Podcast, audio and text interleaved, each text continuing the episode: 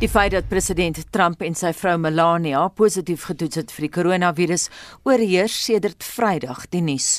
Ons fokus nou hierop vanuit 'n mediese oogpunt en praat met professor François Venter, hoof van Essentia Beleidsnavorsingseenheid by Wits Universiteit. Goeiemôre François. Hi everybody, how are you doing? We fine, we hope the same with you. François, jy was nou op die regering se COVID-raadgewende paneel en jy het 'n lang agtergrond in terme van die bestuur van virusse. President Trump was voor sy positiewe toets met ontsettend baie mense in aanraking. Hy was byvoorbeeld op Air Force 1. En die joernalis Jordan Fabian wat gereeld op Air Force 1 vlieg, sê daar is joernaliste, daar's 10 of meer withuis personeel, daar's CIA personeel en lede van die Amerikaanse lugmag op daardie Air Force One vlugte. En dis nou boonbehalwe Trump se interaksie verlede week met uh, sy personeelhoof Mark Meadows, Amy Coney Barrett, die oppositiepolitisie en lede van die publiek, so daar was baie mense met wie hy in aanraking was. Is daar enige mediese protokolle dan uh, oor riglyne dan vir die opsporing van al hierdie mense? I, I was looking at some of the photographs of mm. the congregations Trump was part of, and he violated every single, um, you know, sort of guideline in terms of uh, of his own um, guidelines agency, the CDC. So it was just a matter of time. It seems like many senior politicians think these things don't seem to apply to them, but I'm afraid this virus does take no prisoners. It's one of the most transmissible things we've seen, and you know, you just need to be in contact with people for more than a few minutes and you're going to get it. And when I look at you know, some of the, some of those congregations, people not wearing masks. I mean, it is a peculiarly American thing that they can turn mask wearing into such a politicized issue. Mm. Maar hoe gaan mens te werk om nou al hierdie mense op te spoor? So it's actually um, a nightmare. Um, you know, we talk about this with um, in South Africa about our guidelines. So, for instance, if you find somebody at Aritzia, uh, you know, who's positive, you go then go backwards, interview that person, work out backwards, you know, who they've been in contact with so that they can um, quarantine themselves. So you pretty much have to, all those people that were in those photographs that I saw, and pretty much everyone in Air Force One, you have to move backwards, work out like were they plausibly in, um, you know, we generally say more than um, less than two meters for more than 15 minutes face to face indoors is pretty much the kind of cutoff. It's a bit of an arbitrary cutoff because it really depends, you know, on lots of other factors. Were they coughing directly onto you? Which part of the disease they were? But as a rough measure, that's what we would certainly do in the workplace: is go and sit down and say, were you in contact with Trump, with Melania, with anybody else who tested positive, and what is that plausibly a a contact? Nou François Ameriese kenner het Vrydag op CNN gesê Donald Trump is byna soos Exhibit 1 in 'n hofsaak. Hy is 74 jaar oud. Hy is medies gesproke oorgewig en hy's 'n man en is alles faktore wat hom weerbaar maak. Kan hy hierdie virus oorleef basies soos wat Boris Johnson net net gedoen het ook maar en Boris was is maar 56 jaar oud. So yes, he's got you know, it's like a textbook case of poor prognostic factors. Um, so it's not a, it's not good news for him um, at all. Uh, you know, age is by far and away the biggest risk factor, along with diabetes, but obesity is a major, major risk factor. Look, most people of his age, and even with his obesity and all these pro risk factors, will make it. You know, they will survive, and he, you know, he's got access to, you know, probably the best medical care in the in the world. But um, you know, although I must say, when, they, when I look at all the drugs they're giving him, um, a lot of those are not actually proven um, to be to be effective or safe. So yeah, again, I think politicians getting involved in science is a very bad idea. It's not like South Africa hasn't had its problem with all our political parties and a whole lot of our senior politicians over the last 20 years in the HIV field. You know, they've all tried to dabble in, in science and they do it very, very badly. I'm afraid the American president, the UK president, Brazilian president, you, Philippines, you name it, these, these leaders are all, you know, they should stay in their lane. Ek wil net vir jou vra oor al die middels wat hy gebruik het want van Boris Johnson uh, was in die hospitaal tamelik aan die begin van die virus gewees maar nou is daar uh, Trump word remdesivir gegee en dis die dexamethasone en natuurlik wat hulle noem hierdie cocktail uh, wat die wat die anti uh, die, die teenmiddel uh, cocktail is wat hy wat hy moet kry gaan al hierdie goed kan werk moontlik jy sê dis nou eksperimenteel So certainly the remdesivir is working. If he's on dexamethasone, I think he's pretty sick. Um, yeah, I heard he was on oxygen. That's the indication for dexamethasone.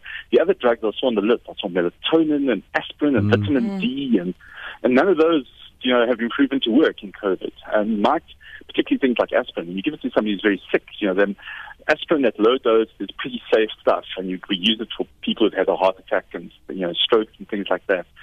But it, it, you know, when you're very sick, you're very prone to the side effects of aspirin. Vitamin D has never been shown to work in practically anything other than vitamin D deficiency, and you know melatonin as well. Just and I, I saw lists of other things that he was on that definitely don't uh, have not been shown to be safe.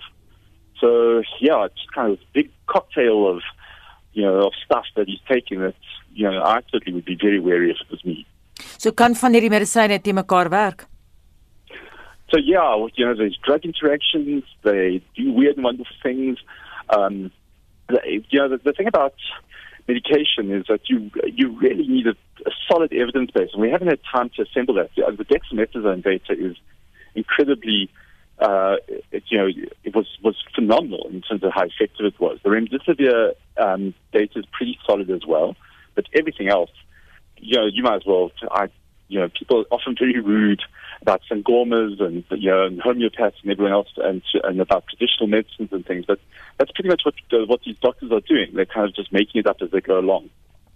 François, um, dink jy die Amerikaanse mediese establishment, Dr. Fauci en die CDC en al daardie mense gaan hierdie kans aangryp om mense te te probeer kry om hulle maskers ten minste te dra? Dit lyk asof Trump self in hierdie video's wat hy gemaak het, self ook sê hy het nou geleer van COVID-19 in die hospitaal.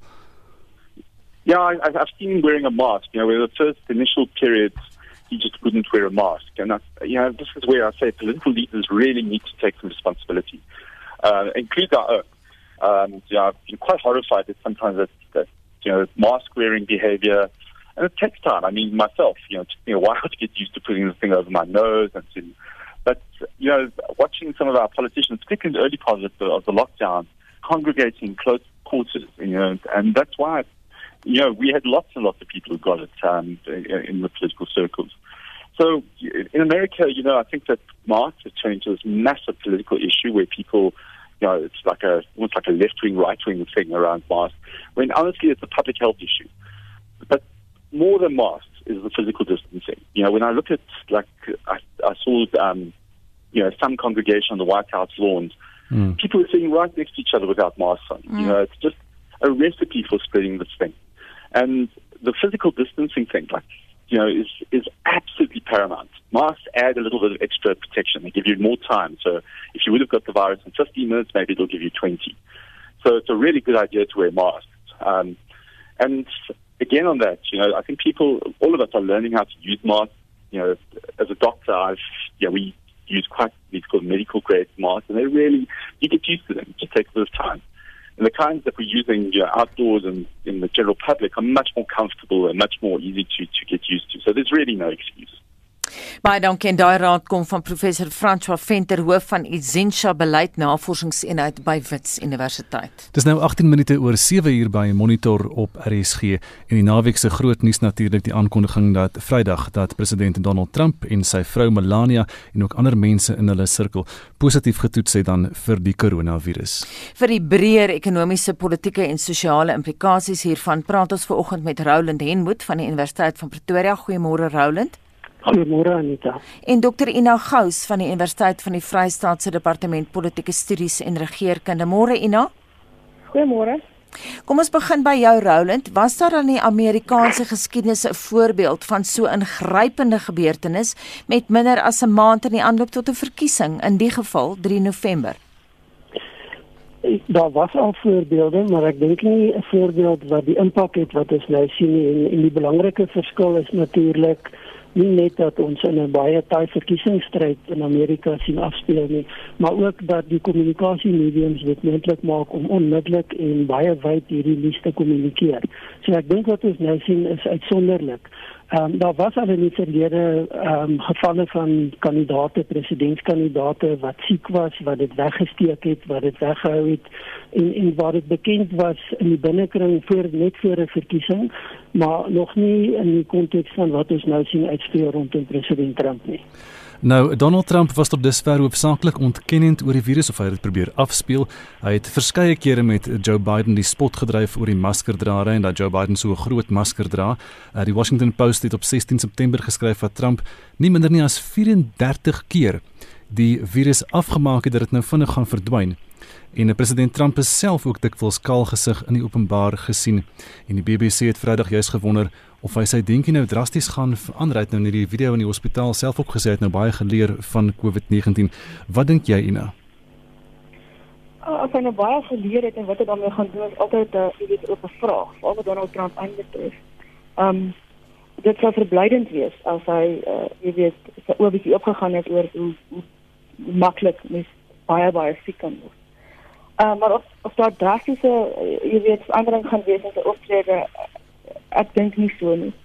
Ek dink op die ou einde, sodra hy kom in die publiek weer, sal hy dit afmaak as een van daai dinge.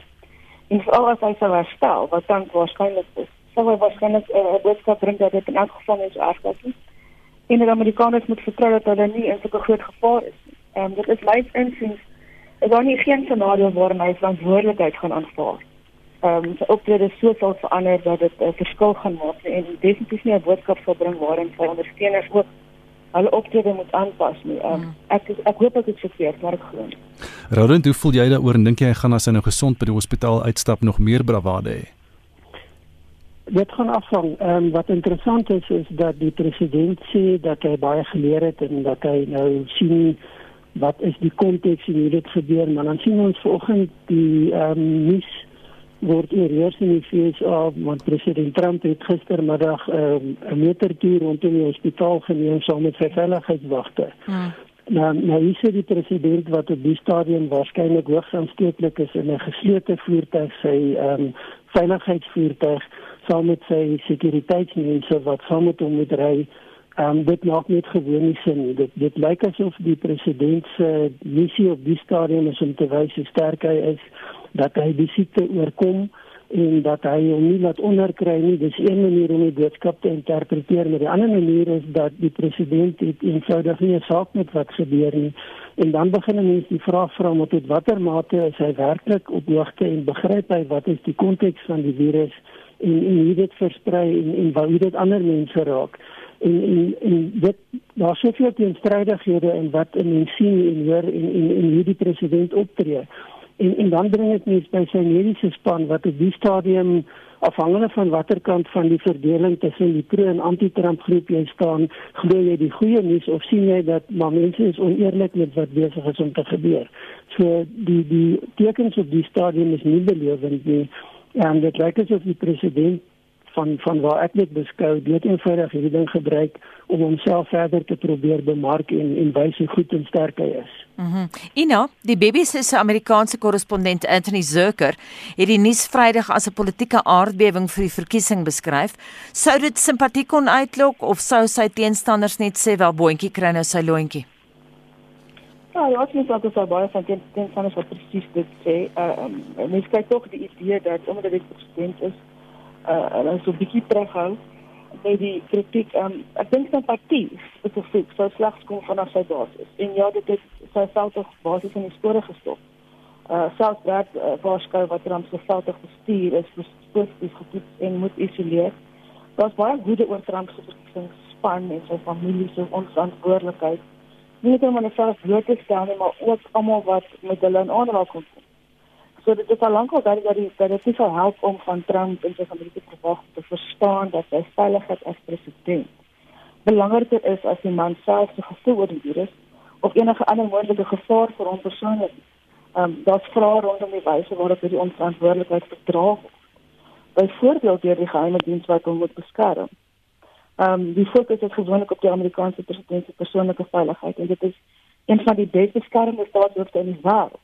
So in gevalle waar 'n gevaar blyk te wees, eh uh, het die geheime diens bloot die mag om die president self te eie wil uh, te ontruim en aan veiligheid te bring. So waarom het hulle nie die mag om te weier dat hy uit die withuis stap of uh, by 'n inkoms opdaag sonder 'n masker en om ander regulasies tydens die pandemie te volg nie. En ook die wat uh, jy weet na in die president na wat naby teen boordigheid kom. Ehm um, dit is uh, verstommend om te sien hoe dit net uh, eenvoudig toegelaat word. Ehm uh, maar sy het gesien by by inkomste met honderde mense in die gehoor uh, en in toe lokale word maar gedra. So hierdie sogenaamde aardbewing het gebeur, maar ek wonder of hulle self verstaan wat dit volge gaan wees. Roland, hoe gaan die uh, demokrate hierdie nou speel dis toe 'n maand nou voor die verkiesing? Sal Joe Biden politieke munt hieruit probeer slaan of gaan dit oorkom as wetslegte smaak? Kom ons gaan na Ina toe. Lyk my ons het Roland daar verloor. Ina, kan jy daai vraag eh, beantwoord terwyl ons Roland weer in die hande probeer kry?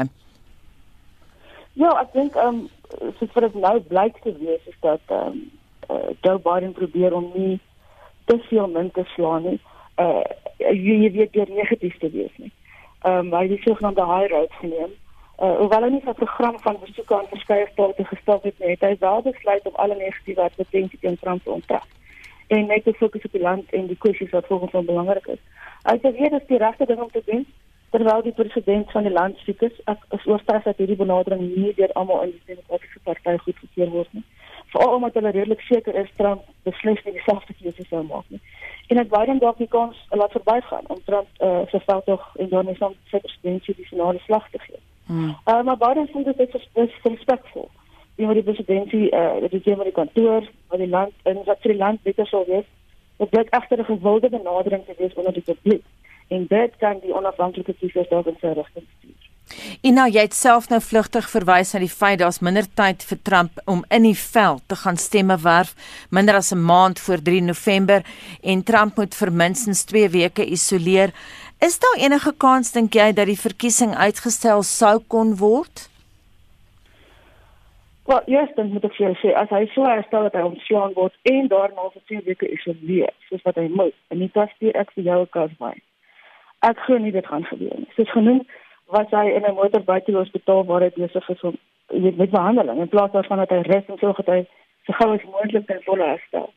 Daar is wel geen kans dat aan wat ek uh, kan sien dat die verkiesing uitgestel kan word en daar sal oorgestem word in Kongres en selfs die meerderheid van die Republikeinse senators dink ek sal dit teenstaan. Uh op die oomblik. Ehm um, sou hy herstel dat sy self tog in die doodsnike waarskynlik wel 'n wending neem. Ehm um, dink uh, sal hy uh, hamer op die dat hy die virus oorleef het en dan het ek gesê dat hy uh, vir alle tye steeds in beheer was en sy werk gedoen het. Hoewel ek voete word met 'n koue pen skoon papier as ek in parafeer by 'n tafel om dan geen guns te doen. En nou dink jy dat Joe Biden self sal doen nou niks nie dat hy nog steeds politieke muntslaan hier uit ek sien in die peiling is hy in hierdie stadium 8 punte uh, voor loop hy voor in die nasionale peilings in die FSA doen dit om goed polities al doen hy niks nie Ek sê ek dink hy doen niks. Dink hy het 'n baie spesifieke strategie wat sou dit gevolg. Self um, sou daar kritiek wees daarteen uh, uit sy eie geleedere. Um, maar op die stadium dink ek sy sy sy benadering van minder negatief wees. Uh doen hom goed. Uh op die ou einde en soos jy sê die meningspeilings uh, bewys dit ook. Uh ek die grootste vir my is uh sou Trump herstel en terug jy weet in die withuis kom en in openbaar kom. Hmm uh, wat effek dit sal hê uh, oor sy basis.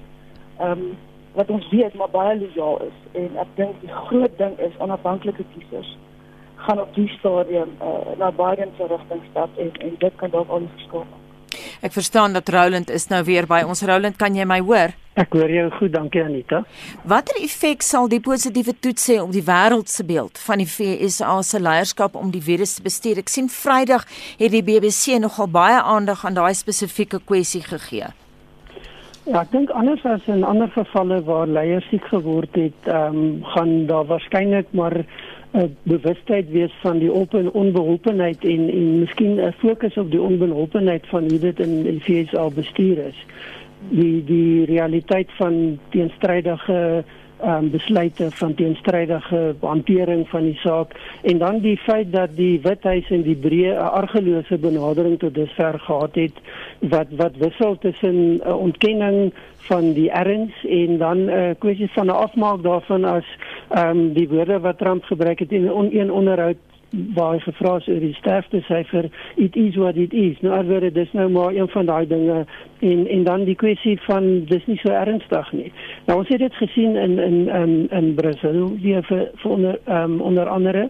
Alhoewel dit daar nie so groot impak gehad het ek dink die FSA wat gesien word as die een van die leidende moonthede en die verwagting was dat dit anders hanteer sal word.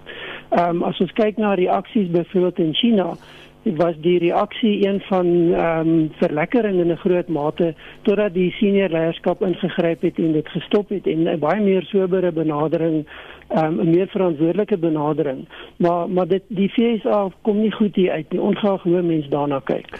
Ons praat volgende hier op monitor met Dr Ina Gous en Roland Henwood oor Donald Trump wat in die Walter Reed Militêre Mediese Sentrum in Washington behandel word vir COVID-19 en ons praat net hierna verder met hulle.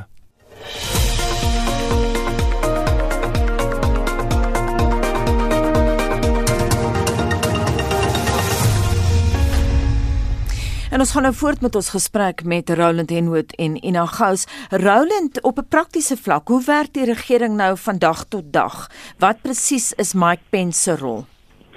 Hy is nog steeds die visiepresident en op die stadium het hy nie 'n ander rol nie. Die ehm um, besluitnemingsbevoegdheid en die proses van besluitneming is nog steeds volledig in die hande van president Trump. Ehm um, dis 'n hoogs uitsonderlike omstandigheid wat sal lei tot 'n oordrag van mag na die visiepresident. Ehm um, en ons het baie min voorbeelde daarvan in die verlede. Op die stadium met antwoorde in terme van die die konteks van president Trump is dit net eenvoudig maar besigheid soos wat dit gedoen word en hy is die president en hy is die uitvoerende besluitnemer. En uh, as dit nou dit lyk of dit gaan gebeur nie, maar indien dit nou sou gebeur, dan moes sekerlik planne gemaak het daarvoor en dan skielik is Mike Pence in beheer van die land. Dit sou dalk nie sy veldtog so goed gedoen het nie, né? Ja, dit is 'n kwessie van besluitneming. Daar is prosedures. Daar's in 1951 'n wysiging in die grondwet gebring wat daar 'n ware formele prosedure geskep is oor die oordrag van mag na die visiepresident of wie ook al anders dan indien dit nodig sou wees maar maar dit lyk of dit onwaarskynlik is dat dit gaan gebeur. Ehm um, op die stadium is visie is die visiepresident met sy funksies besig en dan met die verkiesingsveld tog.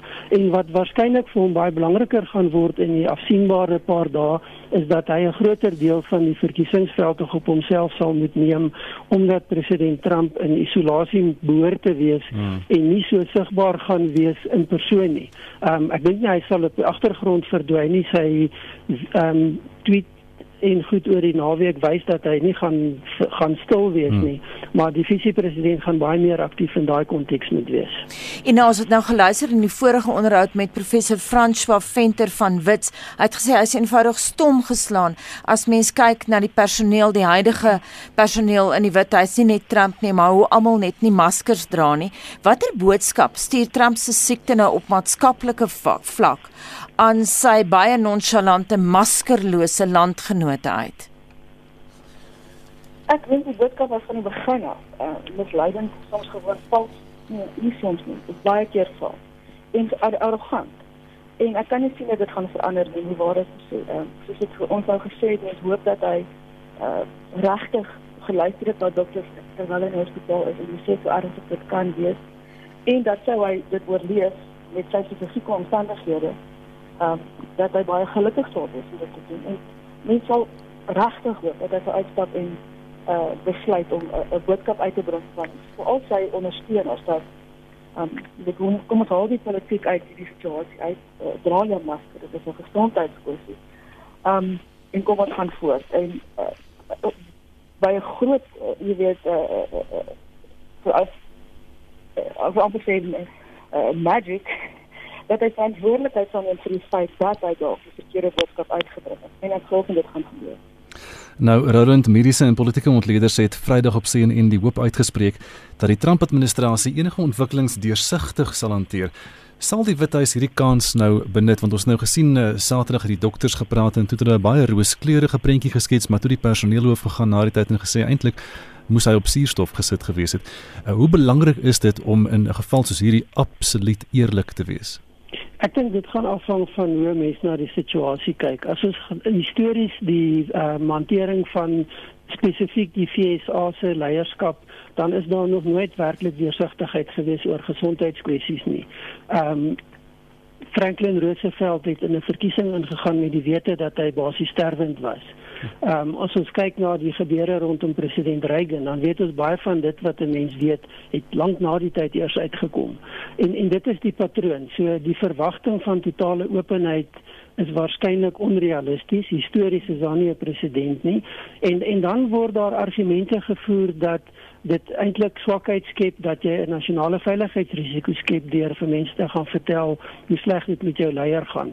En hmm. en dit is waarskynlik die patroon wat 'n mens reg oor die wêreld gaan kry. Aan die ander kant sit jy net voor 'n verkiesing in 'n tydperk waar kommunikasie baie meer belangrik is as ooit voorheen en die die probleem wat jy sit is nie noodwendig die weerhouding van inligting nie maar die baie onbeholpe manier waarop inligting op die stadium gekommunikeer word die duidelike teenstrydighede en dit skep natuurlik onmiddellik die illusie van on um, onbetroubaarheid van leuns en dit waarskynlik is olie op die vuur van die verkiesingsveld tog en die diep verdeelde konteks wat van die politiek nou in die FSA. En nou wat sou gebeur indien Trump sterf? Die ehm um, die uh, Amerikaanse prosesse is in plek om dit te hanteer. Ek dink die die die tydperk is wel ehm um, al moeilik. En jy nou voor dit is 'n start op 'n moeilike situasie. Daar is nie genoeg tyd vir state om byvoorbeeld alle kandidaate onttrek nie. Vir die Trump-fans sogenaamde tickets sal moet bly. Ehm um, sou die verkiese die verkose president dan sterf uh, na die verkiesing, maar voor 20 Januarie mm. sal tens ingesoor word. Ehm um, sou hy sterf voor 6 Januarie wanneer Kongres die stemuitslag ontvang het en dan vind hulle die finale uitslag ehm um, aanvaar. Ehm um, is dit 'n baie verwarrende situasie want die verkiesingskollege sal moet besluit wat om met hulle stemme te doen. Ehm um, wat spesifiek vir daardie kandidaat gegee is.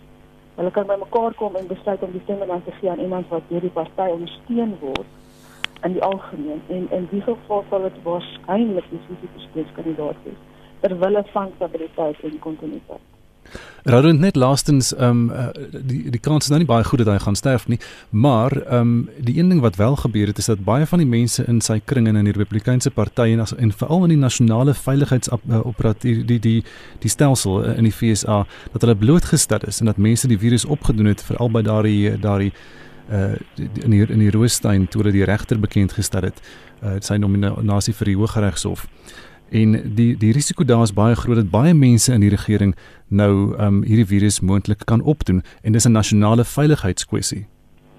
Ja, dit is een van die risiko's. Ehm um, maar ek dink 'n mens moet realisties wees. Die dis 'n baie groot stelsel met baie mense en daar is baie stelsels in plek, prosedures in plek.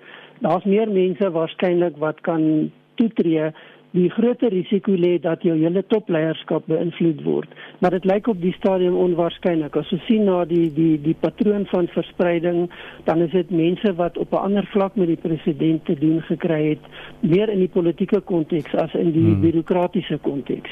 So dit is waarskynlik nie die grootste risiko op die stadium nie. Die grootste risiko lê eerder by wat gebeur rondom die klein groepie mense binne in die Withuis en hoe hulle besig is om op te tree en of hulle dan anders gaan begin optree. Hmm die stadium.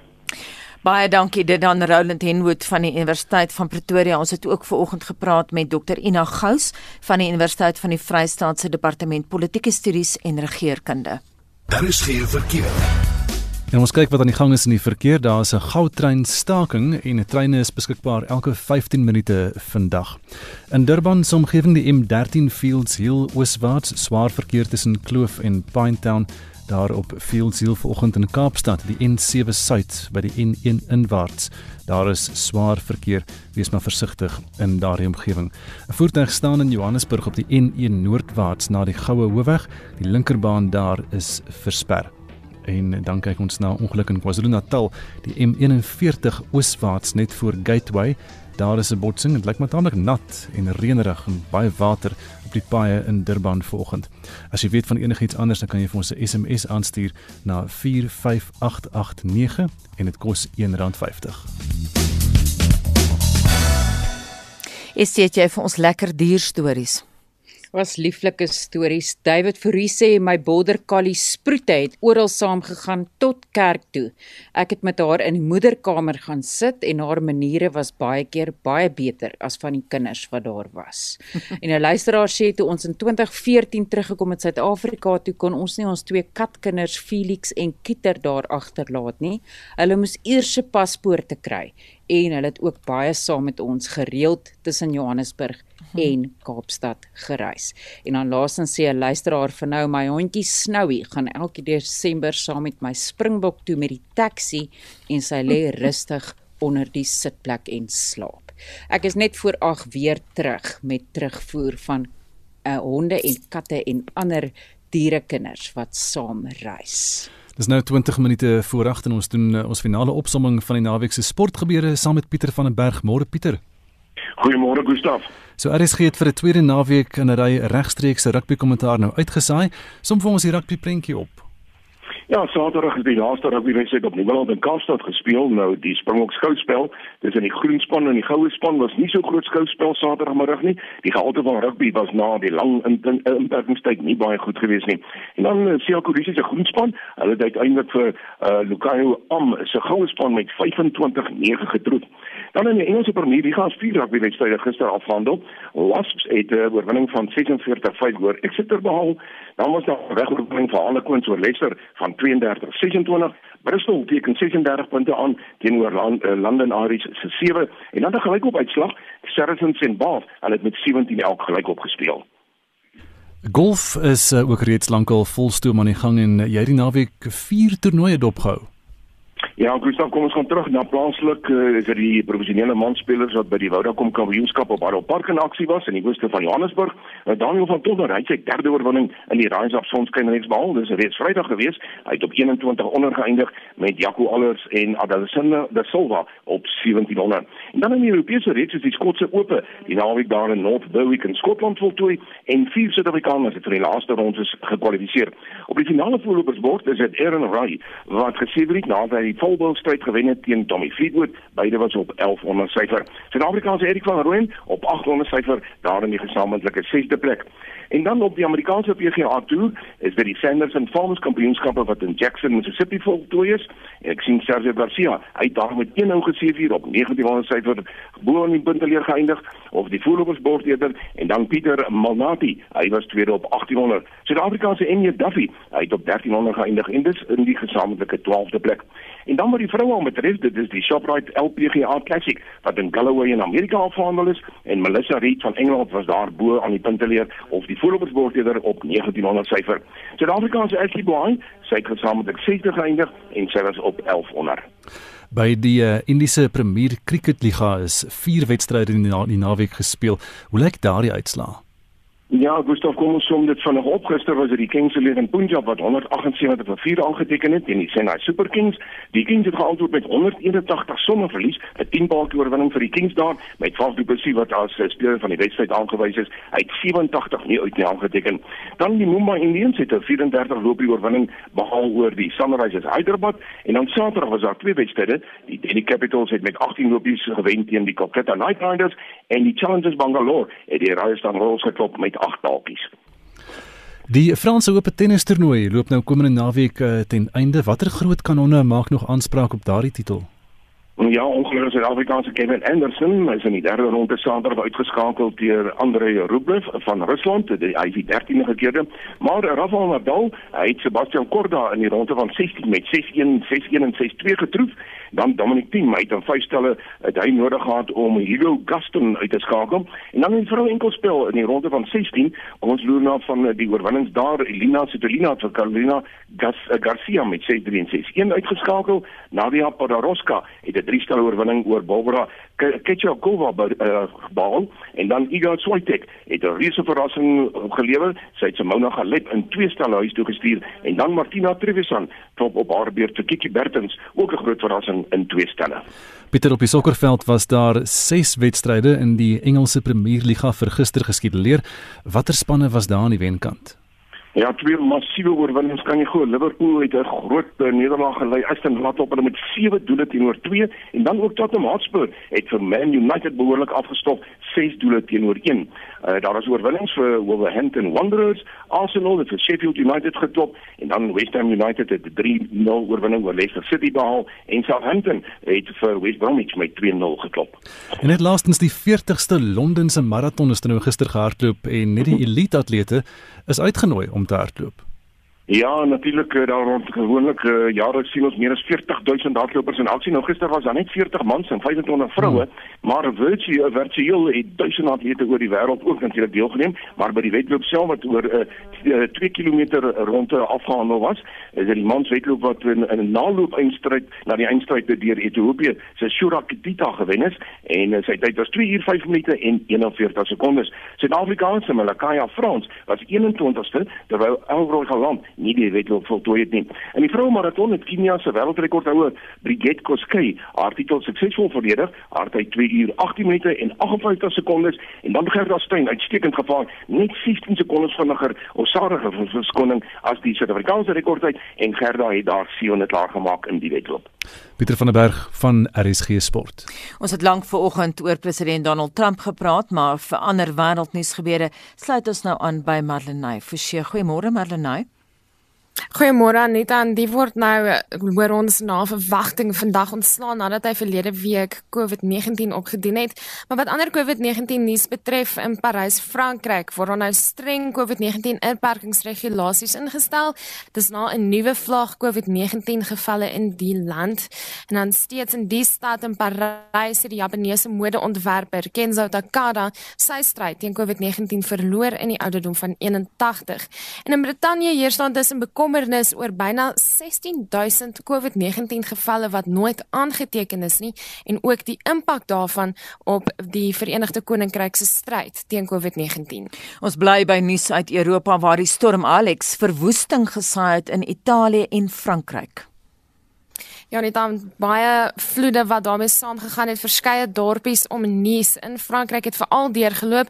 Dis nadat reënval van tussen 400 en 500 mm in sekere gebiede gemeet is in slegs 24 uur. En verskeie riviere se damwal is oorstroom en erge vloede het verskeie strukture soos huise en paaie vernietig. Agt mense word in Frankryk vermis in gebiede wat aan Italië grens en dan in Italië moes verskeie inwoners met helikopters oor die naweek gered word in die noordelike gedeeltes. Dis nou daar in Piedmont en Trentino en selfs in Londen het die mense daar 'n voorsmaakie van swaar reënbuie ervaar. Die EU het intussen gewaarsku dat sanksies Turkye se voorland kan wees. Ja, die Unie vra dat Turkye moet ophou om druk toe te pas op verskeie gebiede in die Oos-Mediterrane streek en dit volg nou op Turkye se betrokkeheid by die konflik tussen Azerbaijan en Armenië oor die Nagorno-Karabakh streek. En die jongste verwikkelinge blameer die Azerbaijanse departement van verdediging Armenië van aanvalle op woongebiede in Ganja waar minstens 'n half miljoen mense woon, infrastruktuur is na bewering beskadig en verskeie siviele burgers is daar beseer. In Armeense ondersteuners in Los Angeles in Amerika het intussen die afgelope naweek die 101 hoofweg in Hollywood versper ter ondersteuning van die kant van die geveg. En dit was Marlenae Forsie met 'n opsomming van wêreldnuus gebeure. Kiesers het die afgelope naweek geregistreer vir tussenverkiesings wat op 11 November landwyd plaasvind. Die verkiesings vind plaas in 56 munisipaliteite waaraan sowat 600 000 geregistreerde kiesers kan deelneem. Die verkiesingskommissie sê geen ernstige voorvalle van 'n administratiewe aard is aangemeld nie. Reën het egter kiesersregistrasiegetalle in die Oos-Kaap in die Oos-Kaap beïnvloed. Jean Estras net meer.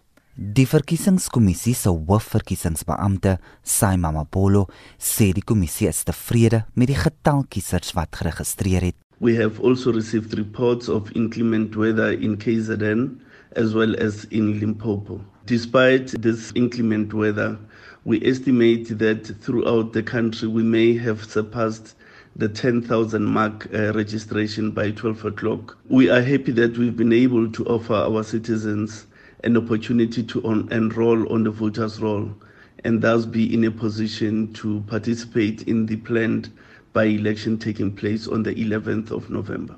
Die provinsiale bestuurder van die verkiesingskommissie in die Oos-Kaap, Siyabonga Maki, sê ten spyte van die nat weeromstandighede het mense opgedag om te registreer. Uh, even though it was raining, we are happy to report that we had many people coming in to register at our voting stations.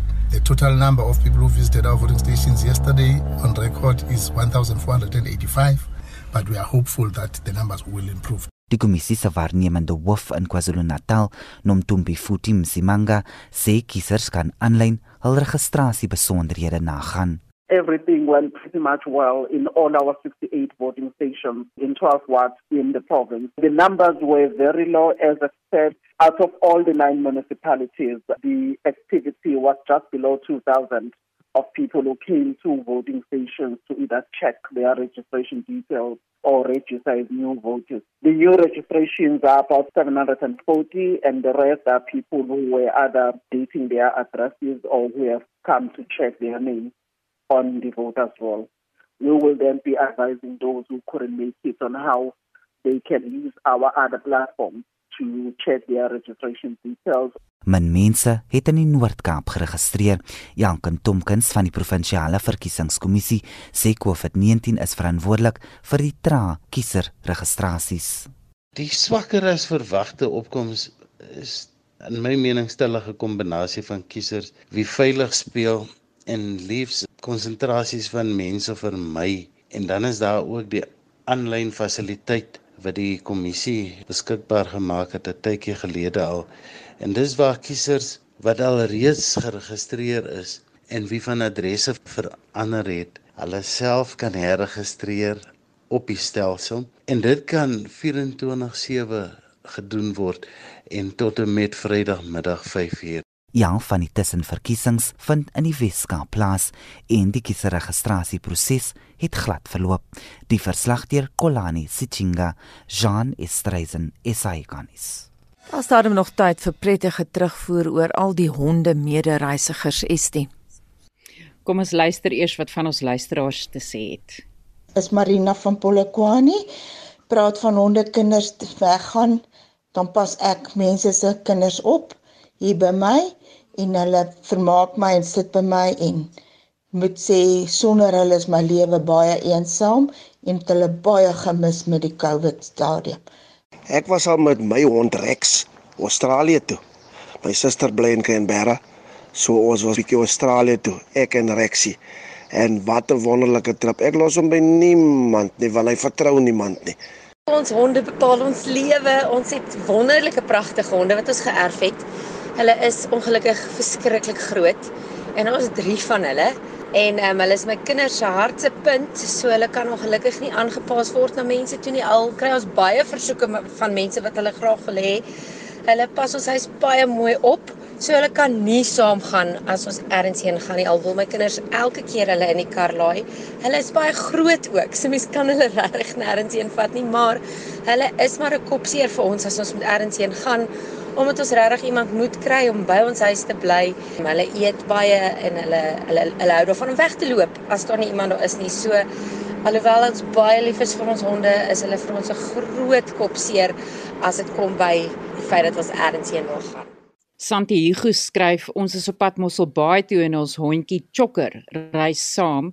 Hy weet as ons pak en ons kry sy goed reg dan gaan hy saam. Dan is hy baie opgewonde en bly draai om die kar. Hy ry soet in sy eie bed saam. 'n Anonieme luisteraar sê, toe ek 'n jong polisiehondeman was, het ek my hond geleer om sy besigheid op een van daai plat toilette te kon doen. Ek moes in Johannesburg in 'n hotel gaan bly en die volgende dag was daar 'n groot foto op die voorblad van die Vaderland die polisiekommissaris was baie kwaad vir my. En Elise Singleton sê as ek met vakansie gaan, gaan my African Grey saam. Ons is baie lief vir mekaar. En dan laastens sê Wilmie Botha, ons verkies ons om nie ons diere saam te vat nie, maar ons moes al en een keer het ons beede dragons saam gegaan en die hond en die kat moes ook al saam gaan en ek was bang dit gaan baie moeilik wees met die kat, maar hy het ons verbaas. Hy het maatjies gemaak met almal en alles, van die varkond tot die German Shepherd en die arme hond het naderhand in die kat se huisie gaan wegkruip om weg te kom van die kat en sy nuwe speelmaatjies. Maar as ons nou moet weggaan, sal ons iemand moet kry om na al ons diere te kyk. Ons het nou 3 honde, 7 katte en 3 klein diertjies in hokke. Baie dankie vir julle terugvoer. Marlene, vinnig Spectrum se dagboek vanmiddag. 'n Voormalige provinsiale polisiekommissaris gaan vandag aan by die polisie en ons aannomse lede se staking by die Gautrain dop. daarmee groet die monitor span namens ons waarnemende uitvoerende regisseur Hendrik Martin, die redakteur vir oggend Wesel Pretoria is ons produksieregisseur Daitron Godfrey. My naam is, my naam is Anita Visser. Volgende op RSG is Lenet Fransis Puren met praat saam. Ek is Gustaf Greiling en mooi bly dan tot môreoggend om 6uur.